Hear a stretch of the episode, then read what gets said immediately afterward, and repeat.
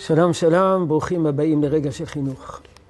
אני ברשותכם רוצה להמשיך, להשלים את דברי ראש הישיבה הרב חיים סבטו, לא לחלוק, אלא להוסיף אה, אפשרות נוספת. אה, פעמים רואים מתלוננים שהילדים לא קשובים בליל שבת בשום פנים ואופן לדברי תורה.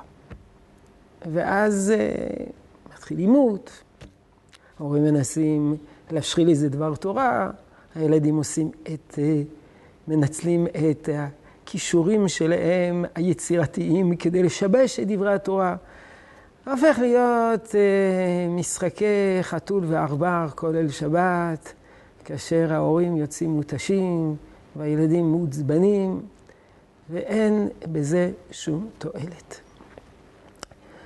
ודווקא הרב אחד סיפר לי שהוא ראה שדברי תורה לא כל כך מעניינים את הילדים שלו, וגם אם הוא מנסה לשתף אותם, ודאי שהם לא שותפים פעילים. ובמקום להתמקד בדברי תורה, הוא כל פעם העלה בליל שבת סוגיה אקטואלית, שעשויה לעניין את בני הבית. סוגיה אקטואלית מהתקשורת, סוגיה אקטואלית מהפוליטיקה. וכמובן, תוך כדי דיון, הוא הביע את עמדותיו הערכיות, הרוחניות, התורניות, ושולחן שבת הפך להיות מרכז אה, חינוכי, מרכז חינוכי בכל מיני סוגיות של ההוויה הישראלית או של ההוויה האישית של הילדים שלו. אז הוא ויתר על דברי תורה. אבל הפך את שולחן שבת למשהו משמעותי, שלא קיים במהלך כל השבוע. משהו משמעותי, משהו רציני, אה, משהו מעניין, משהו שאולי ילדים אפילו מחכים לו, מקום שבו כל אחד מן הילדים, לפי הגיל שלו, מתבטא.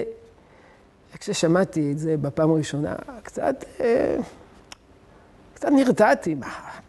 אתה מחליף דברי תורה אה, בסוגיות פוליטיות, אתה מחליף דברי תורה בסוגיות חברתיות.